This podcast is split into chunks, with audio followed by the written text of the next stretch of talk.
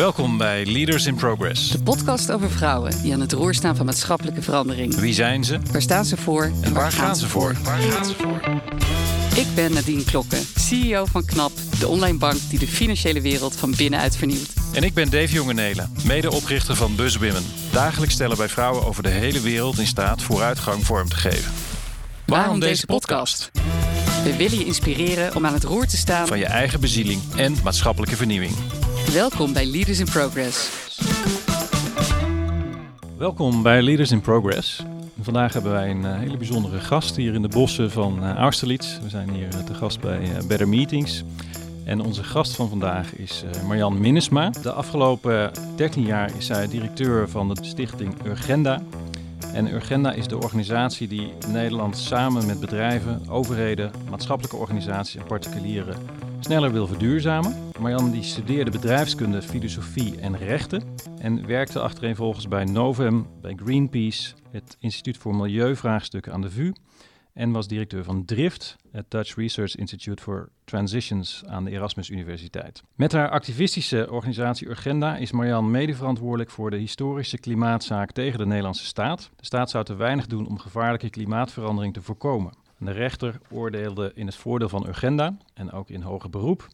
En verplichtte de overheid de uitstoot van broeikasgassen met 25% terug te dringen in 2020. Het was een historische uitspraak, Marjan, en een wereldwijd unicum. En uh, je bent uh, meerdere keren gekozen tot nummer 1 van de duurzame uh, top 100. Maar we hadden net al een voorgesprekje en toen zei je al, vind het eigenlijk wonderlijker dat ik in de top 20 van de meest invloedrijke mensen in Nederland sta. En daar staan allemaal uh, bestuurders in namens uh, grote organisaties en netwerken. Dus daar komen we denk ik straks nog wel even op te spreken. Je woont met je gezin in de Beemster, hebt drie kinderen en bent 54 jaar. En in eerste plaats uh, hartelijk welkom en wat fijn dat je hier bij ons wil aansluiten. Ja, goeiedag. Leuk om hier te zijn. En om gelijk met de, de, deur in huis te vallen is van, we kennen jou van het klimaat en daar gaan we ongetwijfeld zo meteen over doorpraten. Maar wie is Marjan zonder klimaat als mens? Hoeveel uur hebben we? Eén.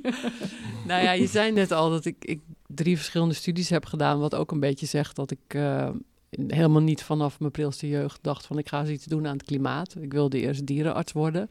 Dat heb ik echt tot mijn achttiende volgehouden. En pas op het allerlaatste moment uh, ging ik uh, bij die open dagen langs. En dan kwam ik erachter dat je dan allemaal dierproeven moest doen, ook als het onzin was. En ik dacht, nou, dat, eigenlijk wil ik dat helemaal niet. Uh, en toen wist ik het niet, net als mijn kinderen nu. Want die wisten ook allemaal niet wat ze moesten gaan studeren. De jongste zit nu in het eindexamenjaar en die weet het nu nog niet. Uh, dus toen ben ik uiteindelijk maar bedrijfskunde gaan doen. Um, en met heel veel stages en et cetera. En toen liep ik stage bij Shell. En dan ben ik afgestudeerd, want ik dacht eerst nog, ik ga de winkelwereld van binnenuit veranderen. Nou, dat was natuurlijk heel naïef.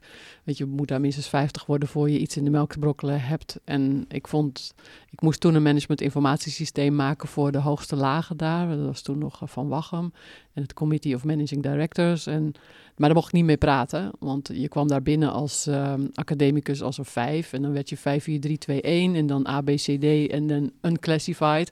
En als 5 kon je toch echt niet praten met een unclassified. Nou, voor zo'n systeem ben ik niet in de wieg gelegd. Dus toen ben ik teruggegaan naar de universiteit en begonnen met rechten en filosofie. En gewoon dacht van ik ga propenduizen doen van allebei en dan zie ik het wel. En toen vond ik het eigenlijk zo leuk dat ik dacht, nou ja, als ik er nog een paar jaar aan vastplak, heb ik die studies ook afgerond. Dus toen ben ik blijven studeren, maar in de tussentijd ben ik wel voor een consultantbedrijf parttime gaan werken. Omdat ik vond dat mijn ouders niet nog een studie hoefden te betalen. Dus ik was wel zelfvoorzienend. En ik speel hobo nog steeds en toen ook. Dus ik zat toen in twee orkesten en ik zat op korfbal en ik zat op dansen. Dus ik was echt gewoon super actief, maar niet met het klimaat.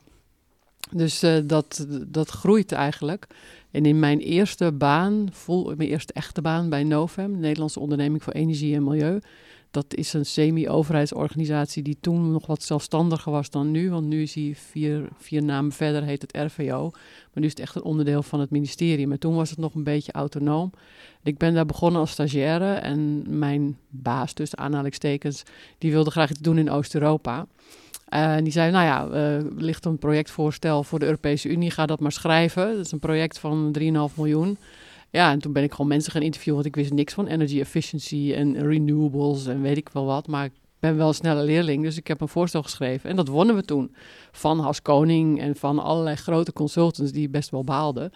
Uh, en nu mag dat niet meer, dat een semi-overheidsorganisatie concurreert met echte marktpartijen, maar toen nog wel. Mhm. Dus toen hebben we gewoon, uh, heb ik vijf jaar in Oost-Europa gewerkt aan allerlei projecten op het gebied van duurzame energie en zogenaamde twinningprojecten, samenwerking tussen steden in Oost- en West-Europa en tussen provincies in Oost- en West-Europa en stadsverwarming en groen gas, nou het hele scala. Het was hartstikke leuk. Ik zat een week per maand in het buitenland. Toen was ik dus ergens begin twintig en dan zit je dan in Roemenië in the middle of nowhere met van die, nog van die hele ouderwetse hotels met gecapuchoneerde deuren. Dat je denkt, direct gooi je hem dicht en niemand hoort mij meer. En uh, ook toen had je al heel veel MeToo, want dan zit je in je eentje in zo'n hotel en dat trekt allerlei rare mensen aan.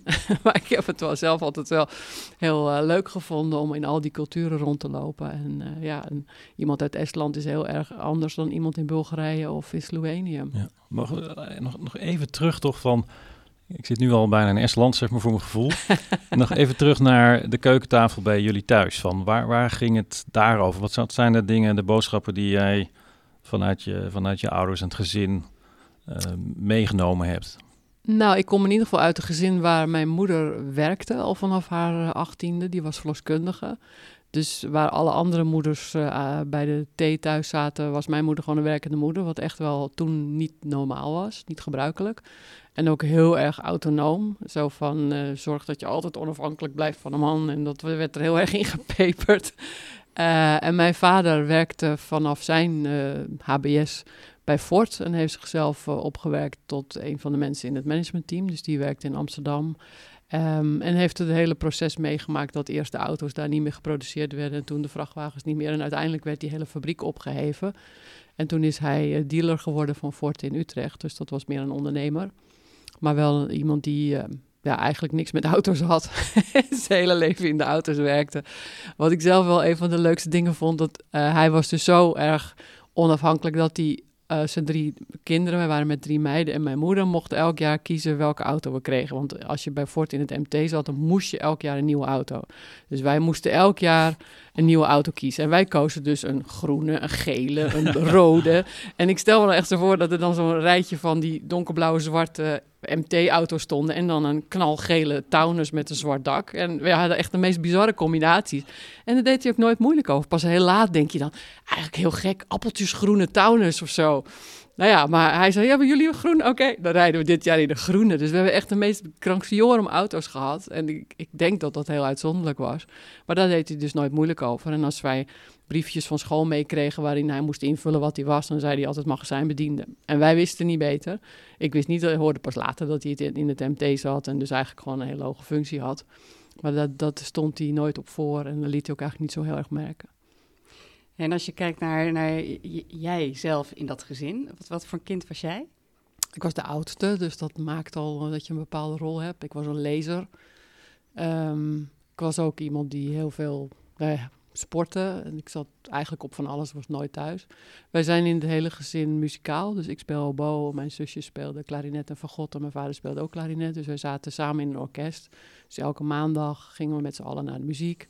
En dat, uh, ja, dat tekent ook wel, denk ik, een belangrijk deel van je leven. Want ik heb bijna niks kunnen volhouden met zo'n drukke baan in een gezin, behalve die hobo. Dus ik speel nog steeds in een orkest. En mensen om mij heen weten ook van, nou, die repetitieavond is heilig.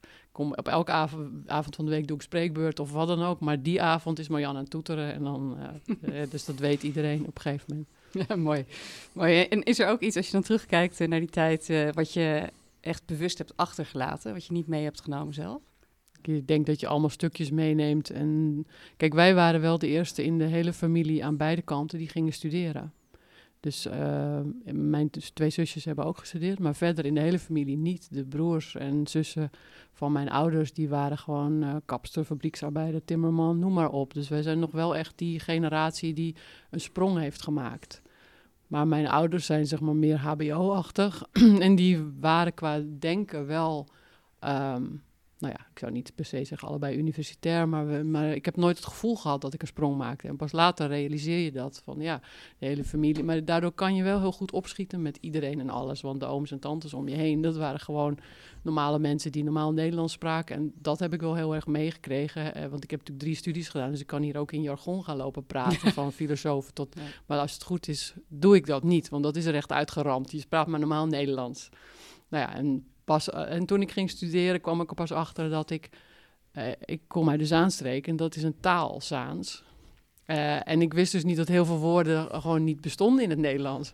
Dus dan ga je naar Utrecht verhuizen en dan krijg je vriendjes daar. En dan heb je het over pulletjes. Dat zijn kleine eendjes. Maar jonge eendjes zeggen blijkbaar normale mensen. Maar wij, voor ons heten dat pulletjes. En uh, een, een, kuiltje is een kulikie. En een, een, een, heuveltje, dat heeft ook een andere naam. En als een huis een stukje achter de rooilijn staat, dat heet Inverdan. Nou, zo heb ik een hele scala aan woorden waar je pas achterkomt als je andere vrienden krijgt, dat die je dan heel glazig gaan gaan kijken van wat zeg je? Uh, nou ja, en je, je hoort wat van het Zaanse op het moment dat ik enthousiast word. Uh, en verder probeer ik dat. Uh, Valt niet op hoor. beetje, beetje. Oh ja, grappig. Hey, en dan uh, wat je aangeeft, hè? dus eigenlijk heel erg open voor alle mensen, verenigingsleven, althans muziek belangrijk. En dan drie studies, wat nou, toch wel indrukwekkend is. En daarna bij Shell aan de slag. Um, met, met een beetje eigenlijk een tegenvallende uh, ervaring daar qua impact. Waarom, waarom was je eigenlijk uh, in de first place uh, richting Shell gegaan? Nou, als je bedrijfskunde studeert, dan krijg je dat een beetje mee. Van er is een soort top 10 van bedrijven. En ik wilde ergens afstuderen uh, waar ik echt mijn tanden in kon zetten. Dus ik wil, ja, je doet niet voor niks drie studies, dus ik probeer altijd de uitdaging. Ik ben eigenlijk een echte beta, dus ik had natuurkunde, scheikunde, wiskunde. Je doet dan een studie die niet beta is, dus dat is eigenlijk te simpel in je eigen beleving. Dus je probeert dan de uitdaging te zoeken door te stapelen.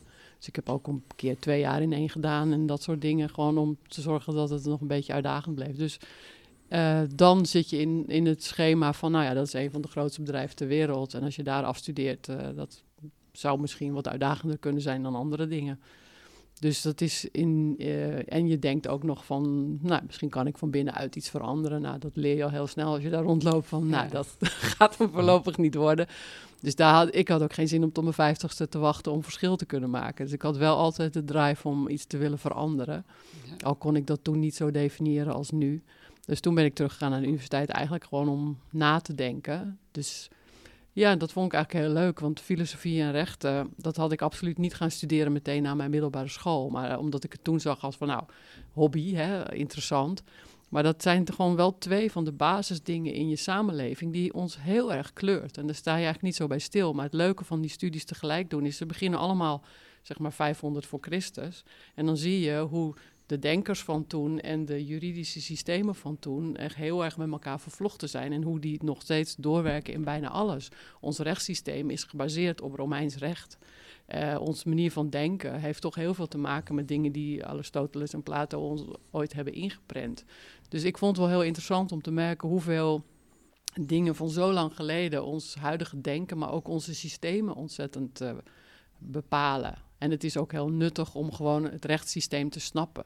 Heel veel mensen zien op tegen uh, iets wat juridisch is en hebben daar ook ontzag voor. Dus als iemand advocaat is, dan gaan mensen al een mhm. beetje achterover hangen. En dat heb je niet als je het zelf gestudeerd hebt. Dan denk je toch van ja, pff, kom maar op. En uh, je ziet de gaten en je weet ook hoe het systeem werkt. Dat maakt heel, dat je ook heel veel vrijer in het leven staat. Als je de belangrijkste systemen snapt. Mer dat merkte je ook zelf? Uh, dat ja, verschil? en ik merkte ook dat mensen, als je zegt ik ben filosoof, dan denken mensen, oh, ze kan heel diep nadenken. Dat hoor je mij zelden zeggen hoor. Maar je merkt gewoon dat dat, of als je zegt ik ben jurist, dan denk je, oh, en dan direct krijg ik uh, een zaak aan mijn broek. Dus dat soort uh, namen bepalen heel erg hoe mensen naar je kijken. Daarom vind ik het niet leuk als je zegt activist, want ik ben geen activist. Urgenda komt voort uit de wetenschap. Wij zijn heel erg gebaseerd op de wetenschap. En Urgenda, voordat we die rechtszaak wonnen, was alleen maar bezig met oplossingen. We deden gebiedsontwikkelingen, we deden hele trajecten met allerlei mensen die dan nadachten over hoe maak je Texel duurzaam of Friesland of weet ik veel wat. Dat ging helemaal niet over anderen zeggen van gij zult dit of dat. Dus het oldschool NGO werkt, waar ik natuurlijk ook een tijdje in heb gelopen, dat wilde ik met Urgenda nou juist heel erg niet. Dus dat is het enige nadeel van die rechtszaak, dat sinds we hebben gewonnen zijn we gebrandmerkt als klimaatactivisten. Wat ik eigenlijk gewoon meteen had moeten doorstrepen in dat briefje van jou. Want dat zijn we niet. Ja, en, en kun je teruggaan naar het moment waarop Urgenda werd opgericht, waar dat idee ontstond? Wat, wat, wat was daar de gedachte of hoe ontstond dat? Ja, nou, ik was samen met Jan Rotmans begonnen met dat Instituut voor Transities aan de Erasmus Universiteit. En wij leiden ook een heel groot programma samen met alle universiteiten van Nederland en TNO om transitiekunde, transitiemanagement een nieuw wetenschapsgebied te maken. Want voor die tijd was dat eigenlijk niet een apart veld. En in die periode hadden we ook een heel groot Europees programma die hetzelfde probeerde te doen. Dus we probeerden in ieder geval op Europese schaal een nieuw vakgebied neer te zetten. Met een eigen blad en een eigen conferentie. En nou, zoals dat dan hoort in de wetenschap. En op een gegeven moment hadden wij dus binnen die projecten 40 AIO's die bij ons promoveerden. En dus 40 boeken. En ik zei tegen hem van ja, leuk, die 40 boeken. Leest misschien eens 10 man per boek. 20 als je mazzel hebt. Wat veranderen we nou in de praktijk? Dus het begon bij mij heel erg te kriebelen naar na bijna tien jaar universiteit. Van ja, eh, wat, wat schieten we hier nou eigenlijk op? Uh, en toen voelde Jan Rotmans zich wel uitgedaagd. Dus wij waren op dat moment bezig met het organiseren van een conferentie. Uh, samen met kunstenaars in Amsterdam Noord. Om een beeld neer te zetten van zo ziet Nederland eruit in 2050. Als je het echt duurzaam zou willen doen. En we, wilden een soort statement maken. En hij had al wel bedacht wat hij dan ongeveer wilde zeggen, maar dat moest nog een soort naam hebben. En ik moest de banners regelen en weet ik veel wat. Dus een week of wat van tevoren zei ik, ja, als je nu niet met een naam komt, dan verzin ik wel wat. Dan noem ik het gewoon Bestek 2050. En ik wist dat hij heel taalgevoelig was, dus bestek. Dus heel hard. Dus dat vond hij niks en dat was ook te veel CDA. Maar toen had hij wel iets van shit, uh, zij gaat die banner gewoon maken morgen. En als ik nu niet iets verzin, dan moet ik... Uh, ja, dus blijkbaar was hij toen, weet niet, onder de douche om in bad gaan zitten. En op een gegeven moment, elf uur s'avonds, belde hij op. Ik heb het! Urgenda! Ik had meteen, ja, hoef ik geen seconde over na te denken, Urgenda. Dus aanvankelijk was Urgenda een urgente agenda. Dus met een beeld van zo zou Nederland er in 2050 uit kunnen zien. Met een heel verhaal over hoe dat dan zou moeten. Maar ook een actieplan. Wat moet er dan over één jaar, twee jaar, nou echt helemaal tot 2050 door. Hadden we allemaal concrete acties per jaar gedefinieerd. Nou ja, dus dat was heel ambitieus. En wij hebben dat gepresenteerd op die conferentie met uh, allemaal toeters en bellen. En dat kwam op de voorpagina van NRC terecht. En die hadden toen ook een soort uh, ons gevraagd van of we een bladzijde wilden vullen. Dus het was toen nog het grote formaat krant. Hadden we een hele pagina gevuld met agenda en dan uh, allemaal icoonprojecten. En dan wat er dan allemaal zo nodig was volgens de transitieleer. Ja. Uh, ja, en er kwamen duizenden reacties op, letterlijk van bankdirecteuren tot boeren. Van ja, hartstikke mooi verhaal, maar gaan jullie het ook doen? Ja, en toen voelden wij ons wel uitgedaagd. Dus toen werd de urgente agenda, werd Stichting Urgenda. En toen zijn we begonnen met uitvoeren van wat we zelf hadden opgeschreven. Nou ja, en toen deed ik dus nog 40 uur universiteit en 40 uur agenda. En dat liep natuurlijk totaal uit de hand. Dus op een gegeven moment heb ik gezegd, nou, ik stop met de universiteit en ik ga echt alleen agenda doen. Dus de eerste jaren deed ik dat vanuit Rotterdam. En ik woonde nog steeds boven Amsterdam. Dus toen heb ik agenda naar Amsterdam verhuisd. En uh, zijn we begonnen met de dingen die je waarschijnlijk uh, hebt gezien sindsdien. Ja. Je, je, sorry, je triggerde mij uh, net eventjes. Die vertelde over de reeks boeken op de, op de plank van mm -hmm. je AIO's die hard bezig waren. Um, was er nog een soort specifiek moment dat je met Jan dat gesprek aanging? Waarom het op dat punt eigenlijk voor jou, dat je de actie miste, dat je de impact miste? Zat iets aan nee, vast? ik denk gewoon dat je na een aantal jaar, eh, dat doe ik altijd, gewoon om je heen kijkt van is dit nou wat ik wil? En je wordt ook, hoe ouder je wordt en hoe meer je weet, hoe ongeruster je wordt. Dus ik werd steeds ongeruster over klimaatverandering. Ja, en dan denk je, ja leuk al die boeken en we hebben al beschreven hoe het moet, maar de, het verschil tussen wat er gebeurt in de samenleving en ook in Den Haag en wat de wetenschap allemaal heeft bedacht, is, er zit een heel groot gat tussen. En ik wilde eigenlijk dat gat overbruggen. En aanvankelijk dacht ik dat ik dat ook wel kon doen in die functie, maar dat werkt toch gewoon niet zo. Je moet echt gewoon heel concreet dan ook in de praktijk dingen gaan doen. En het is ook gewoon hard werk. Je moet dan gewoon volhouden en echt, wat wij zijn, ik ben zelf niet van alleen maar een mooi verhaal en uh, zoek het maar uit, maar ook zelf doen. Dus toen ik in 2010 um, naar Amsterdam ging, toen ben ik begonnen met die actie die heette Wij willen zon. Dus toen hebben we 50.000 zonnepanelen uit China gehaald met omvormers en montagemateriaal uit Nederland. En omdat we het zo grootschalig inkochten, ging de prijs een derde omlaag ten opzichte van de markt op dat moment. En toen dachten heel veel andere mensen, oh, collectief inkoop is wel een goed idee. Die gingen ons naapen. Nou, en dan gingen wij weer wat anders doen. Dus heel concreet, we hebben ook in 2008, ben ik naar uh, Noorwegen geweest omdat ik wist dat daar de eerste fabriek zat die elektrische auto's maakte, maar echt from scratch. Dus daarvoor had je wel elektrische auto's, maar dan was het gewoon een oude auto waar een verbrandingsmotor uit was gegooid en een elektromotor in. Maar daar was een oude Ford-fabriek, dat vond mijn vader dan wel weer lollig. was een management buy-out geweest van een Ford-fabriek. Die waren elektrische auto's gaan maken. Dus ik ben daarheen geweest en gevraagd van nou, kunnen wij jullie auto's importeren? Nou, dat wilden ze wel doen onder de voorwaarde dat we geen eigen auto-industrie hadden. Die hadden we niet echt. Uh, en dat er ook overheidsbeleid was. Dus ik heb een prachtig mooi verhaal gehouden over geweldig overheidsbeleid, wat er toen helemaal nog niet was. Maar ze waren overtuigd. Dus ik mocht auto's importeren. Dus toen heb ik een paar honderd samen met een bevriende partij die toen in leaseauto's deed, hebben we auto's geïmporteerd, verkocht aan Zaanstad in Amsterdam.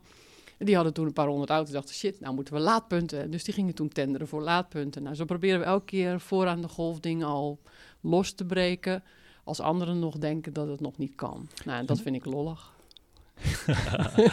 en hoe weet je dan dat je verschil maakt, dat het groter wordt dan jezelf? Wanneer merkte je dat? Of wanneer voel je dat van hier heb ik iets in te doen? Hoe gaat dat bij jou? Nou, ik redeneer andersom. Ik had bekeken wat is er nodig om naar 100% duurzame energie te gaan. En dan weet je dat het verkeer moet elektrisch gaan worden en huizen moeten energie-neutraal worden. En we hebben heel veel zonnepanelen dus nodig.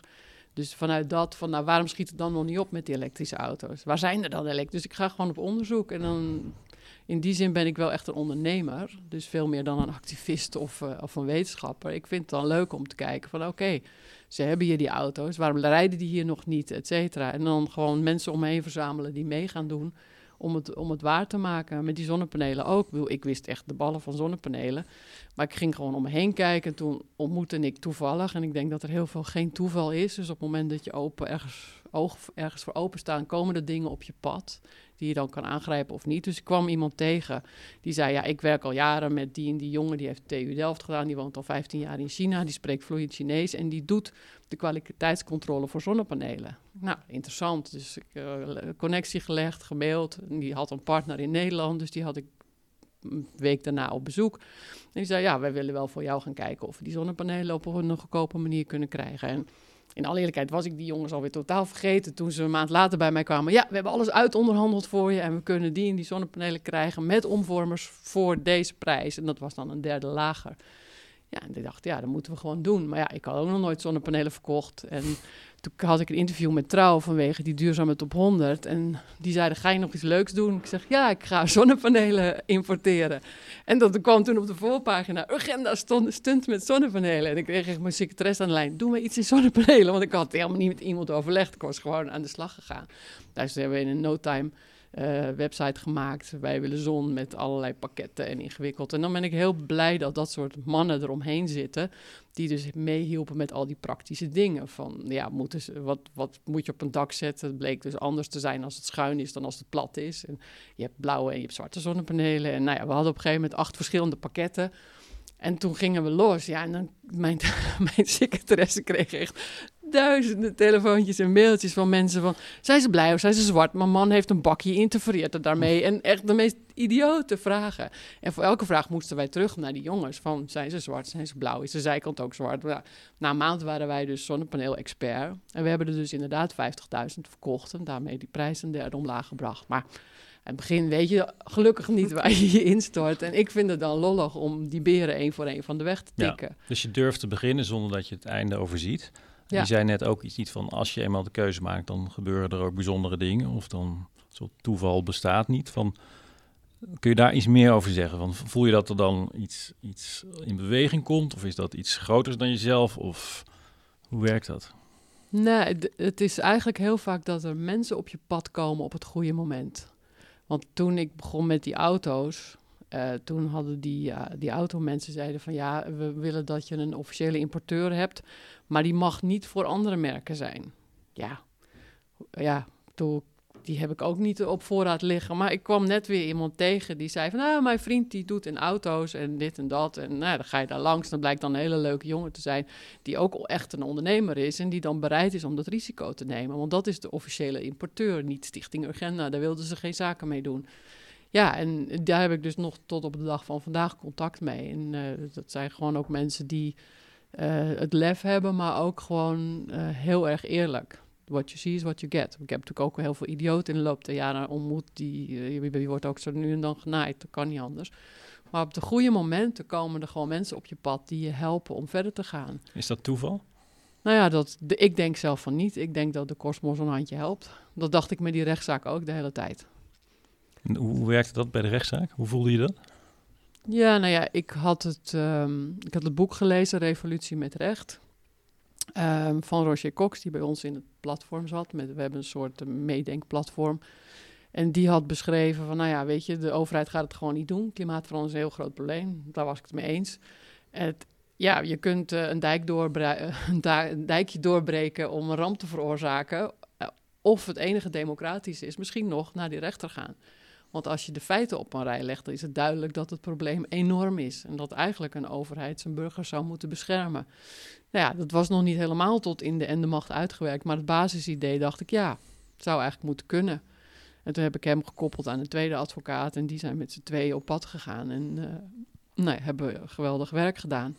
Maar het was natuurlijk super spannend, want iedereen zei dat kan niet en dit zal wel een stunt zijn. En het was echt, behalve die twee advocaten en ikzelf, geloofde bijna niemand erin. Ook onze vrienden, die, of mensen die recht hadden gestudeerd, die mij best aardig vinden, die zeiden allemaal, ja, leuk idee Marjan, maar dat gaat helemaal niks worden. En ik had de hele tijd van, nou, het is op zijn minst 50% dat ik echt denk dat het wel kan. Maar ja, je weet het niet. En dan kom je op die dag van de uitspraak. En er zijn heel veel mensen en er hangt heel veel spanning in de lucht. En toen hoorde ik drie minuten voordat de uitspraak kwam van het is ook in het Engels vertaald. Toen dacht ik, oh. Uh, ja, dan ding, ding, ding. Ja. denk je van, wat zou dat betekenen? Maar ja, je weet het nog steeds niet. Ja, en als je dan wint, is er gewoon uh, dan enorm veel ontlading. En dan wordt het des te, des te spannender als de overheid in hoger beroep gaat. En later ook nog in cassatie. Want er zijn dan zoveel mensen die hoop ontlenen aan zo'n zaak. Dat had ik helemaal niet verwacht. Wij waren gewoon bezig met onze zaak.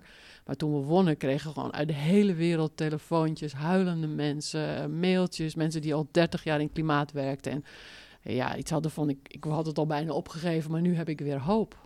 Ja, dat vond ik eigenlijk wel een van de hele mooie dingen eromheen. Maar dan wil je ook dat hoop van al die mensen niet weer eh, in de grond slaan als je in hoger beroep en zo verliest. Ja. Dus ik had wel de hele tijd iets van, uh, Kostbos, help. ja, je weet het niet. Maar uh, ik had, hoe maar, naarmate we dichter bij het einde kwamen, wel steeds meer een soort uh, rust en geloof dat het eigenlijk ook wel goed moest komen. Maar ja, ja, en, weet het niet. En je, je bent heel ondernemend, je verbindt mensen, je zet mensen aan. Hè? Want je geeft een paar voorbeelden, volgens mij, want je brengt het idee en dan gaat dat zichzelf verder vormen. Heb jij ook, word jij ook door bepaalde mensen aangezet? Word jij... Nee, dat wordt me wel eens vaker gevraagd. Nee, ik, ik heb, ik, heb nooit een, ik heb nooit een mentor gehad. Ik heb geen leider. Ik heb niemand die ik aanbid. het komt heel erg uit mezelf. jezelf. Ik vind het wel jammer hoor. Zeker toen ik jonger was. Uh, had je best wel een ouder iemand om je heen willen hebben waar je eens wat aan kon vragen of zo. Maar die waren er eigenlijk niet. Niet van het soort in ieder geval die ik dan graag had gehad. En um, dan is je uitgangspunt jezelf en je gedachten en je overtuigingen. Je zei volgens mij iets eerder in het gesprek, uh, af en toe dan, dan doe ik even een stap achteruit en dan kijk ik terug. Hè, van, dan denk ik van, hé, hey, waar staan we nu en is dat oké? Hoe, hoe bouw jij die reflectie uh, in dat hele actieve leven van je in? Nou, ik zit natuurlijk heel veel in de auto. Dat vind ik wel altijd heel meditatief. Dus ik hou van autorijden en ik vind het ook een mooie manier om, om eh, even los te laten. Of als ik s'avonds, ik werk eigenlijk bijna elke nacht tot een uur of twee, drie. Dus dan zit je in je kamertje en je staat naar donker buiten. Dat zijn ook wel van die momenten om, uh, om na te denken. Ja, ik ben wel altijd heel erg bezig met doe ik iets wat nuttig is. Want ik werk niet voor geld of voor aanzien of voor weet ik veel wat. Ik wil gewoon graag verschil maken. Dus ik zit continu te kijken van maak ik nu genoeg verschil? Dus in elke vijf jaar of zo is de vraag ook anders. Dus met, toen ik een paar jaar met agenda bezig was, eh, waren we vooral heel veel oplossingen aan het doen. En als ik dan een verhaal hier voor een zaal, was het gewoon een hele reeks aan oplossingen. Hartstikke leuk, mensen gingen lachen of vonden het leuk. Maar er gebeurde helemaal niks. Dus als je dan vijf jaar eh, terugkijkt, denk je van ja, dit is het, dit is het niet genoeg. Dus toen, vanaf toen ben ik begonnen met eerst een derde over urgentie. Nou, dat heb je gezien, hè? dan word je licht depressief. En dan twee derde over oplossingen, zodat je toch nog blij naar huis gaat. En dat is een hele dunne scheidslijn. Want je kan niet te veel depressie doen, want dan gaan de luiken dicht. Maar als je te weinig doet, dan gebeurt er weer niks. En ik heb ook gemerkt dat je dat een derde, twee derde moet uitleggen aan mensen. Dat je van tevoren zegt van ik doe dit bewust. En dat gebeurt wel als ik, dat ik ergens in de zaal binnenstuiter omdat ik iets aan de laat kan ben. Uh, en dan meteen maar begin. En dan zie ik in dat eerste deel van, oh, de luiken gaan dicht. Denk ik, shit, ik ben het vergeten te vertellen dat er direct nog iets leuks komt. Dus dan hou ik echt letterlijk ineens rustig. Oh, ik ben iets vergeten. En dan zeg ik, ja, ik doe nu een derde over urgentie. Daar word je licht depressief van. Maar daarna komt er een stuk en dan ga je toch nog blij naar huis. Maar ik doe dat omdat ik wil dat u actie gaat ondernemen. Dat u niet hier denkt van leuk verhaal, uh, dank u wel. Maar dat u denkt, moet ik toch niet de zonnepanelen nemen? Of moet mijn volgende auto niet elektrisch worden? Of misschien toch wat minder vlees eten? Nou ja, jij hebt dat gezien. In de meeste gevallen zet het ook wel mensen aan het denken. Want iedereen zit gewoon in zijn groef. De meeste mensen gewoon zijn in een trein en die, ja, die stappen daar niet uit. Maar zo'n lezing is wel even een moment om, om uit je eigen groef te komen. En nou ja, dan hoop je dat je iets aan trillen brengt, wat vervolgens doorgezet wordt in nieuwe acties. Zie je, zie je het bij jezelf ook? Zit je, heb je zelf ook een bepaalde groef waarvan je wel eens denkt, daar zou ik zelf nou wat meer uit willen bewegen? Nou ja, ik denk dat mijn karakter en type werk gewoon juist is dat ik elke keer nieuwe mensen ontmoet. Kom continu innovaties tegen. Er komen continu mensen langs met toverdozen en weet ik veel wat.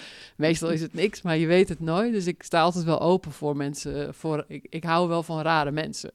Dus dat zeiden mijn ouders vroeger al. Wat heb je nu weer meegenomen, Marjan? Uh, dus uh, mijn vriendenkring is ook vrij uiteenlopend. En ook van allerlei soorten en maten. Dus je komt, krijgt continue impulsen. En dan is denk ik vooral het belangrijkste dat je open blijft staan voor nieuwe dingen. Heel veel mensen uh, sluiten meteen al buiten wat, wat nou ja, te raar is of niet bekend of niet uh, ja, op, op het pad. Ik denk ook bij de meeste NGO's dat je niet zomaar bij de directeur binnenkomt. Mij kun je gewoon een mailtje sturen en dan antwoord ik ook. En dan zeg ik ook van nou, volgende week heb ik daar en daar nog een uurtje, kom je langs. En dan zie je mensen zo van, kan ik volgende week langskomen? En ik zeg ja, ik, ik bijt niet. Oh, oh, ja, nou ja, ik denk dat als je die nieuwsgierigheid houdt naar nieuwe dingen um, en ook continu om je heen kijkt van wat zie ik allemaal, dan blijf je steeds vernieuwen. Ik merk in ieder geval gewoon dat dat gebeurt. En dan hebben wij een soort vaste vraag in deze podcast. En dat gaat over, uh, we zijn in het pand waar Eckhart Winsen ooit zat. En die had een soort motto van, uh, je moet jezelf zijn en, en anders zijn in het leven. Dus de vraag aan jou is van, wie maakt Marjan Minnesma, wat maakt jou jou? Zeg maar, wanneer ben jij helemaal jezelf? En waarin denk je dat je dan anders bent dan anderen? Ik heb zelf het idee dat ik het over het algemeen behoorlijk mezelf ben. Dat ik niet een toneelstukje speel, ook op het podium. Bedenk voor elk, elk verhaal wat ik hou van wie zit daar in de zaal en wat wil ik vertellen. Maar het is wel altijd vanuit mezelf. Ik loop niet toneel te spelen, dat hou ik niet zo van. Je hebt ook van die mensen die houden een verhaal en je ziet uh, overduidelijk van oké, hij zit nu nog even zus en zo. Op het podium is het ineens iemand anders. Um, dus ik denk dat je over het algemeen wel heel erg mij krijgt. Um, en wat was je vraag? Waarin wil je anders zijn? Of ben je nee, anders? Wat maakt je dan anders? Wat, wat is jouw nou ja, ik denk dat ik al vanaf heel jong weet dat ik uh, slimmer ben dan gemiddeld. Ik was op de derde klas lagere school, dat is dus groep drie tegenwoordig. Of nee, in de derde groep vijf. Wist ik al van, nou, ik ga studeren. Dat was voor mij helemaal niet de vraag of zo van, ik moet ooit nog een CITO-toets, mag ik wel studeren? Dat wist ik gewoon al. En ja, ik heb natuurlijk drie studies gedaan, dus dan weet je wel een beetje. Dus je, als je altijd weet van, nou, je bent slimmer dan gemiddeld, daar komt ook een verantwoordelijkheid mee. En ook um, als je dat te veel laat blijken, dan vinden mensen je arrogant. Dus ik vind ook sollicitatiegesprekken vreselijk, want dan vragen mensen van, uh, ja, waarom moeten we jou nemen en allemaal van dat soort dingen. En ik hou namelijk ook niet van valse bescheidenheid, wat de meeste vrouwen hebben. Ik weet dat ik goed ben, ik weet dat ik slim ben, ik weet dat ik ook heel goed was in sport en heel muzikaal. Dus ik heb heel veel meegekregen. Maar dat is natuurlijk rete irritant. Dus ik, dat merk je natuurlijk al vroeg in je jeugd, dat mensen dat helemaal niet fijn vinden. Dus dat, meestal zeg ik dat dus ook niet hardop. Dus ik praat over de inhoud en over dingen, maar meestal niet zo heel erg over mezelf. Maar als je het vraagt, dan heb ik ook geen zin om bescheiden te gaan lopen doen. Nou, ik weet niet hoor, en ik denk dat iemand anders beter is. Nee, denk ik niet. dus uh, in die zin ben ik heel mannelijk. En in ons uh, gezin hebben wij ook omgekeerde rollen. Mijn man houdt van winkelen, ik vind het vreselijk. Uh, mijn man is van het soort van, ik heb een probleem en dan wil hij niet dat ik een oplossing kom wat ik doe. Nee, ik wil het gewoon even uitleggen, ik wil er even over praten. Ik, oh ja, dan moet ik echt me inhouden, want ik ben heel erg oplossingsgericht. Dus ik denk dat ik erg veel mannelijke genen heb, uh, maar er wel vrouwelijk uitziet. Dus het is uh, soms wat verwarrend. En ik ben natuurlijk ook heel lang. Hè. Ik ben 1,82 van mezelf, maar op hakken ben je richting de 1,90. Dat is voor mannen heel intimiderend. Dus ik ben nooit bang geweest of zo. Omdat je altijd lang was en goed op school en goed in gym, wat dan de maatstaf is op school. dus dat maakt je enorm autonoom en heel erg uh, ja, bewust van dat, dat dingen vallen wel op zijn plek. Dus, en, en, dat is heel erg op het cognitieve stuk. Hè? En er zijn ook gebieden waar je twijfelt, waar je veel meer wel een onzekerheid hebt? Of is dat, is dat eigenlijk een gebied wat je veel minder kent? Nou, ik weet wel heel goed wat ik niet kan. Ballet of zo. is die lengte dan die dan tegen gaat werken? Of niet? Maar uh, nee, dat is natuurlijk ook irritant. Dat, je, dat hoef je niet eens te zeggen, maar dat voelen mensen wel. Dat daar niet heel veel onzekerheid zit. Waar ja. helemaal niet, niet zegt dat ik... Ik kan, als we samen naar een, een uh, slappe film gaan zitten... waar de hoofdpersoon doodgaat, ga ik lekker huilen. Dus in die zin heb ik helemaal geen probleem om uh, te laten zien dat je ook gevoelig bent en, en sommige dingen ook moeilijk kan vinden. Ik vind mensen ontslaan heel erg vervelend. Maar ik vind het wel heel erg belangrijk dat het op een nette manier gebeurt. Dus daarom vind ik het altijd te makkelijk om het aan iemand anders over te laten. Dus dat doe ik dan meestal zelf. Maar ik vind het niet leuk. En, en dat zijn altijd vervelende processen. Dus ja, zit de, de andere kant zit er ook duidelijk wel in. Maar ik opereer natuurlijk heel erg in, in de meer cognitieve kant van het uh, spectrum. Maar ik denk dat aan de andere kant dat mensen waar je op een persoonlijke manier mee omgaat, ook die andere kant wel zien. Maar in het werk, zeker als vrouw, moet je niet in eerste instantie al te emotioneel overkomen. Want dan word je meteen gebrandmerkt. En daar hou ik niet zo van. Waar ben je het meest trots op, uh, Marjan? Want, want, je zei aan het begin. Uh, sta ik een beetje verwonderd te kijken dat ik in zo'n lijstje kom van de meest invloedrijke mensen. Want het klinkt bijna alsof je ook wel verwonderd bent over je eigen impact of zo. Terwijl je ook heel zelfbewust bent. Wat ik super verfrissend vind, dat je gewoon heel erg gewoon helder in bent wat, wat jou bijzonder maakt. Waar je gewoon heel goed in bent. Nou ja, je kijkt achteraf terug en dan, dan denk je inderdaad bij zo'n top 200 van de Volkskrant van hoe kom je nou in vredesnaam op nummer 20? Want als je opereert in die wereld van waar de andere nummer twintigers rondlopen, dat is een hele andere wereld. En die vind ik niet zo heel erg leuk. Ik zit af en toe wel eens namelijk in van die bijeenkomsten met tien van die bobo's. En dat zijn gewoon beroepsvergaderaars. En ik kijk dan altijd om me heen en ik denk, jee, waar gaat het hier over? En dan ben ik eigenlijk het liefst zo snel mogelijk weer uit die zaal. Dus het is niet zo mijn wereld. Uh, maar ik, ik, heb natuurlijk inmiddels uh, een plek gekregen waardoor ik wel op heel veel van die mannen uh, met een 06 kan bereiken. En dat doe ik ook zeker niet dagelijks of wekelijks. ben jij altijd al de leider geweest van een organisatie of is dat ontstaan?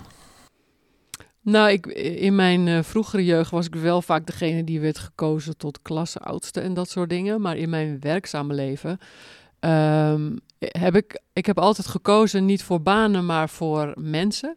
Dus mijn eerste bazen waren mensen waarvan ik dacht, dat, dat zijn leuke mensen om mee te werken. Waren ook vaak mensen met een visie die ver keken. Uh, maar ik ben dus tot mijn ongeveer, weet ik veel, veertigste of zo, altijd de tweede vrouw geweest. Achter een man die dan in het licht ging staan. En ik zorgde dan daarachter dat de boel liep en deed de administratie. En, en zorgde dat iedereen wist wat hij moest doen. En leidde dan, weet ik veel, 60 projecten parallel. En pas bij Agenda, toen ik ehm, na een paar jaar dat aan de universiteit te hebben gedaan, parallel met mijn werk aan de Erasmus Universiteit, naar Amsterdam ben verhuisd en directeur werd van Urgenda, toen pas werd ik voor het eerst zeg maar zelf het opperhoofd. En dat maakt wel uit, want op het moment dat je tweede vrouw uh, bent, dan is de ander degene die elke keer op het podium staat en uh, ook vaak de lange lijnen bepaalt. En jij bent eigenlijk het harde werk aan het doen. die zorgt eigenlijk ervoor dat die man kan schijnen. Uh, en vanaf dat ik agenda trok, um, nou ja, is er heel veel veranderd. En dat is denk ik ook het punt waarop mensen mij begonnen te zien. Want toen ben ik begonnen met Wij willen zon, die 50.000 zonnepanelen. En uh, hebben heel veel, we zijn uh, naar Parijs gewandeld met duizenden mensen. En de tv en ons kielzog waren we dagelijks op tv. We hebben heel veel dingen gedaan die zichtbaar waren. Um, en vanaf toen zijn mensen ook mij gaan zien. En daarvoor uh, was ik al lang al wel leuke dingen aan het doen. Dus je hebt een enorm netwerk opgebouwd waar ik nu wel gebruik van maak. Maar die ja, maakt voor de buitenwereld wel uit wie er in uh, de schijnwerper staat. En wat was het verschil voor jezelf dat je in één keer zelf in het licht ging staan en de directeur was? Wat gebeurde er daardoor met jou? Nou, met mij persoonlijk niet zoveel, maar je krijgt gewoon meer zendtijd in de media. Dus je boodschap wordt gewoon meer verkondigd. Je hebt gewoon meer kans om dat wat je belangrijk vindt naar, naar voren te brengen. Dus voor mezelf maakt het niet zo uit. Ik, die, mijn allereerste baan uh, daar noemde ik mijn baas ook altijd baas. En hij wist dat ik dat totaal niet meende, want niemand is mijn baas. Uh, dus uh, dat was meer een soort grapje. Maar formeel was hij natuurlijk wel mijn baas. Maar zo, zo opereerden wij onderling niet. Maar dat is wel zo dat degene die vooraan staat, of die de directeur is of zo, die krijgt toch wel vaak het woord en die, die mag het verhaal vertellen. En het maakt uit welk verhaal je vertelt. Eh, de verhalen veranderen ook de werkelijkheid. Management by speech is soms belangrijker dan mensen denken. Dus het heeft mij wel geholpen om dat wat ik graag wil vertellen eh, naar een breder publiek te brengen. Wat maakt, denk jij, dat vrouwen vaak zo'n zo'n tweede man rol hebben? Nou, ten eerste dat de mannen graag de eerste rol hebben. dat maar, en dat vrouwen denken, nou ja, maakt mij ook niet zoveel uit. Ik, ik ga er wel achter staan en ik zorg dat de boel loopt. Ik zit in een internationaal vrouwennetwerk met allemaal heel vooraanstaande vrouwen. En daar zijn er heel veel van die eigenlijk formeel de tweede vrouw zijn, maar die eigenlijk de boel runnen die eigenlijk ook de veranderingen teweeg brengen. Want die zorgen dat de achterliggende dingen oké zijn. Die verzinnen nieuwe concepten. Die geven uh, nou ja, allerlei nieuwe dingen ruimte. Maar dan is het vaak de man die formeel hoofd is, die dat dan in het licht mag zetten en die dan uh, al het applaus krijgt. En de meeste vrouwen vinden dat niet het belangrijkste. Die maken liever verschil in, in de werkelijkheid dan dat ze nou per se applaus krijgen. Dus dat vind ik wel grappig om te zien. Want het zijn allemaal hele sterke vrouwen en, en uh, weten precies waar het over gaat. Maar ze snappen ook dat ze af en toe even die man een kontje moeten geven of een ei over de bol. Of nou ja, heel veel mannen hebben hebben, iets, hebben het nodig om uh, uh, gezien te worden en af en toe een aai over de bol te krijgen.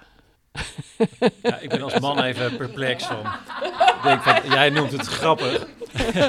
ik vind het ook wel heel, heel gênant eigenlijk. Van, dus klopt het wel? Vind jij ook dat vrouwen dus zelf dat licht moeten pakken en die eerste plek zouden moeten hebben? Want het is natuurlijk heel raar dat er zo'n constructie is dat de man het dan even in de wereld zet, zogenaamd. Het is wel heel vaak zo. Kijk maar om je heen. Het begint wel langzaam een beetje te veranderen. Maar Nederland is natuurlijk heel erg nog mannelijk. Ik zit in, als ik zeg maar in hoge, hoge clubjes zit, zijn het bijna allemaal mannen. Het begint nu, nu natuurlijk een nieuwe baas van VNO-NCW, uh, eh, is een vrouw. En, en, en Manon is bij de Tennet en zo. Het begint nu een generatie 40-50ers op te komen die ook het hoogste podium pakken. Maar dat was tot voor kort niet zo. Bij EZ ook allemaal mannen op de hoogste functies. En uh, ja, is een ander. Uh, ik merk wel dat de wereld aan het veranderen is. Dus uh, de nieuwere generatie jongere managers zijn van een andere orde dan de generatie, zeg maar, even 55, 60-plussers bij EZ. Dat waren een beetje arrogante types die. Uh, um, nou ja, je het gevoel gaven dat je bij godsgratie met ze mocht praten. De nieuwe directeur-generaal, die een paar jaar geleden is begonnen, die kwam gewoon naar mij in Amsterdam op bezoek om kennis te maken. Nou, dat was echt nieuw dat uh, was, gebeurde daarvoor niet. Dus de wereld is wel gelukkig aan het veranderen. Maar heel veel van de oldschool mannen, die willen toch wel graag op het podium. En ik denk dat heel veel vrouwen inhoudelijk zijn gedreven. En uh, liever willen dat er iets verandert dan dat, het, dat ze nou per se um, in dat spotlicht willen staan. En heel veel vrouwen vinden het ook best spannend om in het spotlicht te staan. En wat zou je daartegen willen zeggen? Want ik heb het idee bij jou dat jij, jij doet waar anderen denken en twijfelen. Ja, nou, het, uh, kijk, de allereerste keer dat ik voor een hele grote zaal moest staan, was toen ik die Europese projecten runde. Op mijn, weet ik veel, 4, 25e denk ik of zo. En toen moest ik voor 600 man in zo'n hele grote zaal in Brussel met, met 20 simultaanvertalingen eromheen een verhaal houden. Ja, dat is best heel spannend dan, als je dat voor het eerst doet. Dus dan bereid je het heel goed voor. Kijk, inmiddels heb ik het zo vaak gedaan dat ik uh, nou ja, er niet zoveel meer naar voren hoef te bereiden en dat ik weet dat het goed gaat. Dus op een, je moet gewoon beginnen, want na de tiende keer weet je dus, oké, het gaat goed. En dan heb je daarna ook, denk ik, meer vertrouwen dat het dan de volgende keer ook wel goed gaat. Maar je moet een keer beginnen. En desnoods, wat is nou het ergste wat er kan gebeuren? Dat je stottert? Dat je het woord niet meer weet? Nou, dan kijk je even op je blaadje. Ja, ik denk dat je het wat nuchterder moet bekijken. Dat je niet zoveel van jezelf moet verwachten. Gewoon beginnen. En dan valt het altijd mee. Even een hele andere vraag. Uh, even naar Bus Women, waar ik mee bezig ben.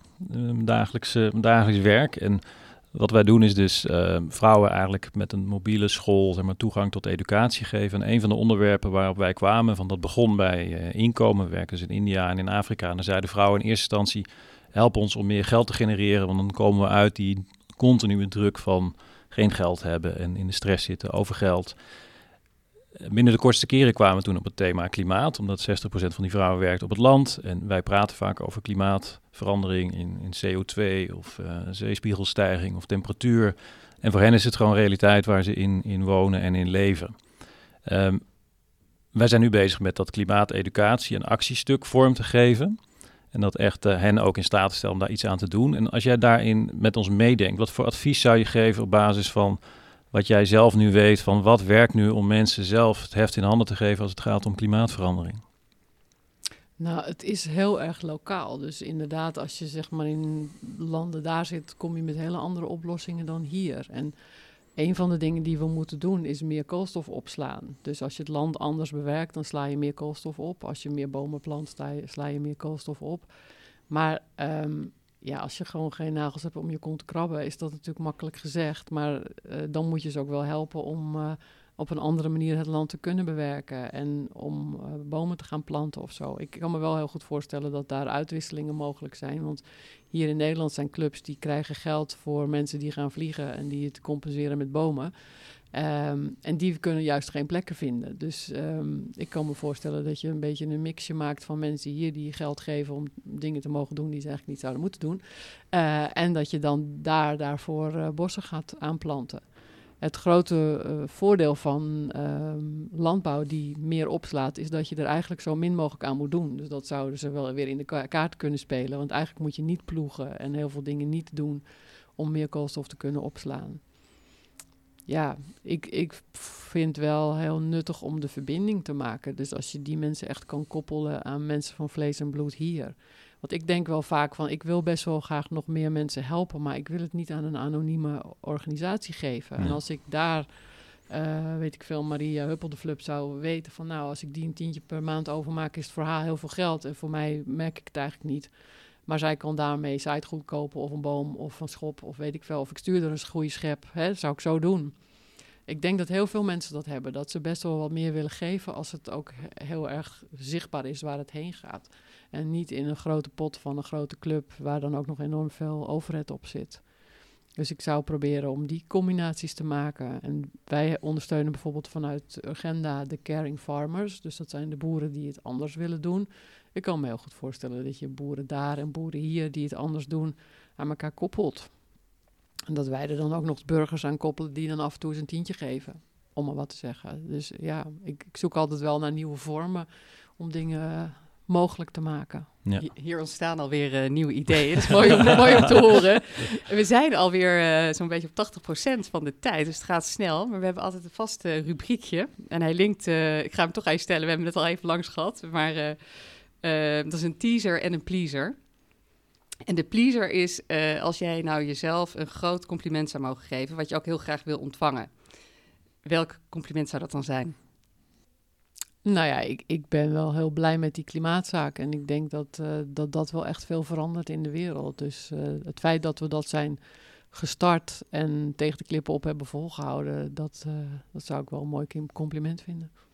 Ja, nou, daar ben ik het wel mee eens. Ja, het is natuurlijk echt wel echt groot, groot geweest.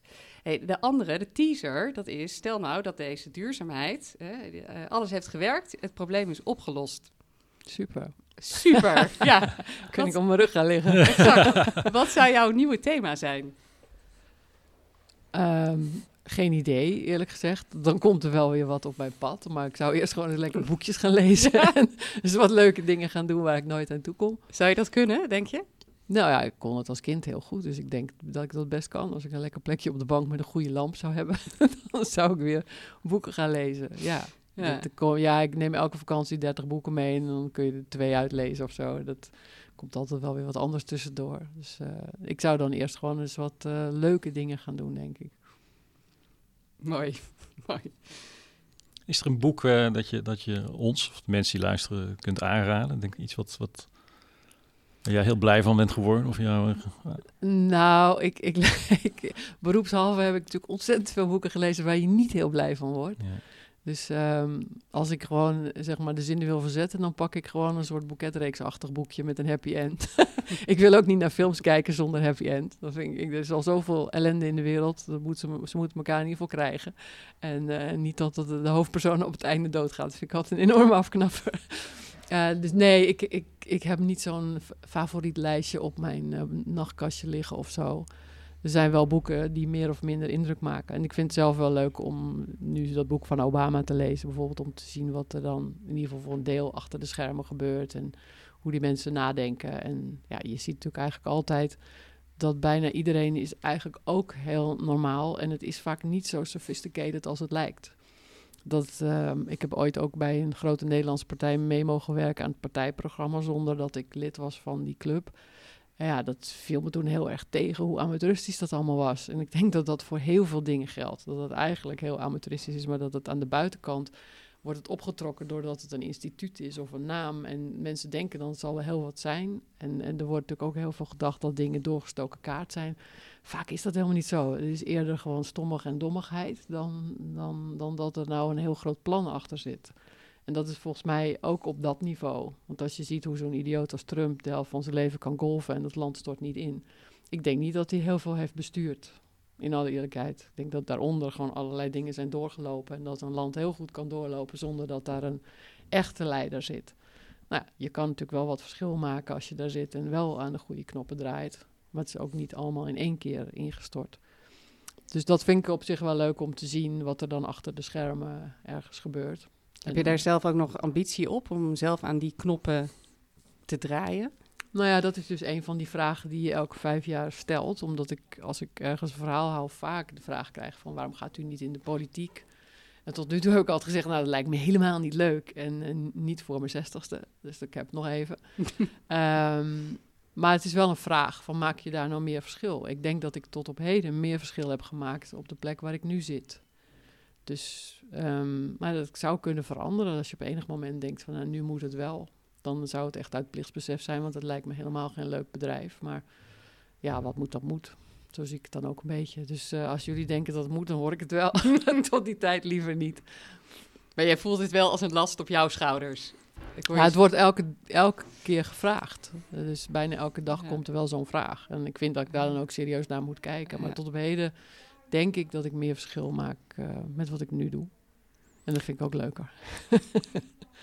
ja, dat dacht ik tot twee jaar geleden ook voordat ik ja, het switchte. Maar... Ik hoor toch iets zo naderen. Nou ja, en ik weet niet, wat ik van mooi bij jou vind, Marjan, is van je gaat ook voorbij de vorm. Je kiest je eigen vorm daarin. Van als je, dus misschien dat er vanuit de agenda waar weer iets nieuws ontstaat of zo. Van als ik zo praat met je, dan krijg ik wel dat gevoel van dat er weer ergens uh, iets aan zit te komen op een gegeven moment. Ja, dat zou zomaar kunnen. En dat ontstaat ook, want ik maak ook geen uh, jaarplannen en geen notulen. En het enige wat ik doe is wat echt moet. Dus een jaarrekening, dat moet, dus dat doe ik. Uh, en een budget. Uh, maar dat is ongeveer alles wat ik doe aan formaliteiten. Maar je zit natuurlijk wel, je ik heb een heel duidelijk doel. En alles wat op het pad zit, waarvan ik denk, dit maakt nu het meeste verschil, dat, dat, dat ja, dat kan het worden. En dat, ik kan ook morgen iets verzinnen en dan overmorgen het gaan doen. En dat vind ik ook leuk daaraan. Dus als ik de politiek in ga, dan denk ik liever gewoon met een eigen partij. En niet ergens aansluiten. En uh, nou ja, dan doe ik het ook echt op mijn manier. Maar als het niet hoeft, dan denk ik dat ik voorlopig liever even dit soort dingen doe. En als je kijkt naar je kinderen, dat was nog een vraag die bij mij opkwam. Van, ik ben opgegroeid als zoon van winkeliers. We hadden een kledingzaak thuis. En ik werd helemaal gek van dat het elke avond eten zo ging het over welke spijkerbroek er wel of niet verkocht werd. En hoe zit dat met jouw kinderen? Van, zijn ze ook een beetje beu met het klimaat elke keer of juist niet? Of zijn ze er heel erg in geïnteresseerd? Hoe werkt dat bij jullie? Nou, ik dacht altijd van mezelf dat ik niet heel erg aan het zenden was. Maar daar denken mijn kinderen anders over. Dus uh, die hebben natuurlijk in de loop der jaren wel het nodige meegekregen. Ik denk, dat, ik weet niet, tot de 14e, 15e dat het wel meeviel. Maar op een gegeven moment gaan ze ook vragen stellen, gaan ze het ook zien. Zien ze je in de krant. En uh, nou ja, je, je valt wel eens her en der uh, op. En of kinderen of ouders van, van klasgenoten zeggen: Ik zag je moeder op tv of zo. Dus ja, dan ontkom je er niet helemaal aan. Um, ik denk dat ze wel wat uh, klap van de molen hebben meegekregen. Ik probeer ze niet te veel uh, te beïnvloeden. Maar ja, ja, als ze met vier vriendinnen in het vliegtuig willen stappen naar Malaga, dan zeg ik er toch wel wat van. Doen ze het even goed nog hoor. dus, maar ik kan dat toch niet gewoon maar laten gebeuren. Dus uh, ik, ik zou me niet verbazen als ze wel iets verantwoordelijks gaan doen uiteindelijk. Mooi, ja. maar wel uit zichzelf. Precies. Ja, mooi, mooi. Je geeft ze toch de ruimte en dan uh, uiteindelijk uh, komt het wel goed. Hey, uh, als je kijkt naar onze groep luisteraars, is er nog iets wat je vanuit jouw bezieling of vanuit jouw drijfveer zou willen meegeven? Nou, ik zou vrouwen gewoon mee willen geven. Ehm, eh, geloof in jezelf en denk niet snel dat iemand anders het vast wel beter kan. Of ik, dit kan ik misschien wel niet. Of al dat soort dingen. Dat, wat heel veel mannen niet denken. Uh, zoek anders gewoon wat vrouwen op waarvan je denkt, uh, die hebben het al gedaan. Want er zijn heel veel vrouwen die zijn bereid om je te helpen. Als ik een telefoon of een mailtje krijg van iemand die zegt van nou, ik wil even met je koffie drinken, et cetera, dan sta ik daar altijd voor open. En ik denk dat dat, dat, dat sommigen kan helpen. Maar ga, ga er gewoon voor. Spring in het diepe en het zal je meevallen. Heel mooi. Heel mooi. Um, nou, we hebben over best wel veel gesproken. Het zit alweer een uur zo'n beetje op. Zijn er nog onderwerpen die jij hebt gemist of die je graag nog ter tafel zou willen hebben? Nou, we hebben het nauwelijks over klimaatverandering gehad. en dat hoeft van mij ook niet per se hoor. Dus uh, ja, je weet, ik kan ook vijf uur vol lullen. Dus dat, uh, we kunnen het over van alles en nog wat hebben. Dus uh, als jullie tevreden zijn, dan ben ik het ook. Ja, ik vind het echt heel mooi om ook nog wat meer kleur op jouw persoon gekregen te hebben. En het inhoudelijke verhaal, ik wat voorrecht om dat al gehoord te hebben laatst. Wat overigens ook echt erg veel indruk maakte op me. Um, ik kijk nog even naar Dave. Nee, ik vind het ik, echt voorrecht om met je te praten. En het voelt van ja, mij is ooit geleerd van als je voorrang geeft aan je bijzonderheid, dan gebeuren er hele mooie dingen in je leven. En dat volgens mij doe jij dat. Uh, en ja, waar dat toe leidt, ik ben heel benieuwd. Het voelt van dat er nog veel meer gaat komen of zo. Die, die staatszaak was al fantastisch. En heeft denk ik heel veel impact gemaakt. Maar het is ook nog lang niet af of zo. Dus ik ben heel benieuwd wat er gaat komen. En uh, ja, en ik zou ook uh, dolgraag ook buiten deze uitzending nog eens doorpraten over dat klimaatstuk en hoe dat naar actie te vertalen. En Nee, dus ik ben uh, heel blij met dit gesprek. Dankjewel. Graag gedaan. Ja. praat graag door, altijd. Nou, mooi. Uh, ik heb hetzelfde, just getting started. Um, wij gaan nu afronden. Heel veel dank voor je uitgebreide toelichting. Wij hebben nog een klein cadeautje voor je, maar dat geven we zo meteen na afloop van de uitzending. Um, ik neem mee um, eigenlijk je authenticiteit, ook je zekerheid, ook in de onzekerheid eigenlijk zekerheid. En je enorme nieuwsgierigheid, je openheid. Uh, volgens mij is dat een inspiratie voor, uh, voor velen van ons. Dus dank daarvoor en uh, heel veel succes. Dankjewel. Dankjewel voor het luisteren naar deze aflevering van Leaders in Progress. We hopen dat je ervan genoten hebt en er volgende keer weer bij bent wanneer we een nieuwe gast aan tafel hebben. Ben jij geïnspireerd en zou je ook willen werken aan vooruitgang? Dat kan. Ga nu naar www.leadersinprogress.nl en kom in actie. Of neem direct contact met ons op via de e-mail. Graag tot de volgende keer.